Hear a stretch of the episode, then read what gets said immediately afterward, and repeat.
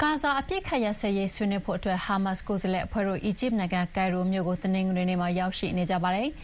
ငါးလထဲရောက်လာပြီဖြစ်တဲ့ ဂါဇာဒေသထဲကစစ်ပွဲကို သီတင်းပတ်နဲ့ချီ အပစ်ရပ်စဲနိုင်ရေးဆွေးနွေးပွဲကို အစ္စရေးကိုယ်စားလှယ်တွေ တက်ရောက်မလားဆိုတာကတော့ ရှင်းရှင်းလင်းလင်းမရှိပါဘူး။သီတင်း ၆ ပတ်ထိ အပစ်အခတ်ရပ်စဲဖို့ အမေရိကန်ပြည်ထောင်စုရဲ့တိုက်တွန်းချက်ကို အစ္စရေးဘက်က သဘောတူထားသလို ဟာမတ်စ်တို့ဘက်က သဘောတူဖို့ပဲလိုပါတယ်လို့တော့ ပြောပါတယ်။ပြီးခဲ့တဲ့ နိုဝင်ဘာလတုန်းက သီတင်းတပတ်ကြာ အပစ်ရပ်စဲပြီးနောက်ပိုင်းမှာတော့ ဒါ ပထမဆုံး သဘောတူညီမှု သက်တမ်းတိုးနိုင်ရေး ကြိုးပမ်းချက်လည်းဖြစ်ပါတယ်။ အပစ်ရပ်ရေးအဆိုပြုချက်ထဲမှာတော့ ဟာမတ်စ်တို့လက်ထဲကျန်နေသေးတဲ့ ဒါဇင်နဲ့ချီတဲ့ဓားစာခံနဲ့ အစ္စရေးတို့ဖမ်းထားတဲ့ ရာနဲ့ချီတဲ့ပါလက်စတိုင်းသားတွေနဲ့ လဲလှယ်ပေးရေးလည်းပါဝင်ပါတယ်။အမေရိကန်အရာရှိတဦးကတော့ အပြစ်ခတ်ရစရေးဟာတူလန်ကျောင်းပေါ်ရောက်နေပြီး သဘောတူညီချက်မူပေါင်းတရလည်း ချမှတ်ထားပါတယ်လို့ သတင်းထောက်တွေကို ပြောပါတယ်။ဒါပေမဲ့လည်းကယ်ရိုမြို့ကိုရောက်နေကြတဲ့ ဟာမတ်စ်ကိုယ်စားလှယ်တဦးကတော့ သဘောတူညီမှုတွေ မရသေးဘူးလို့ ရိုက်တာသတင်းကို ပြောပါတယ်။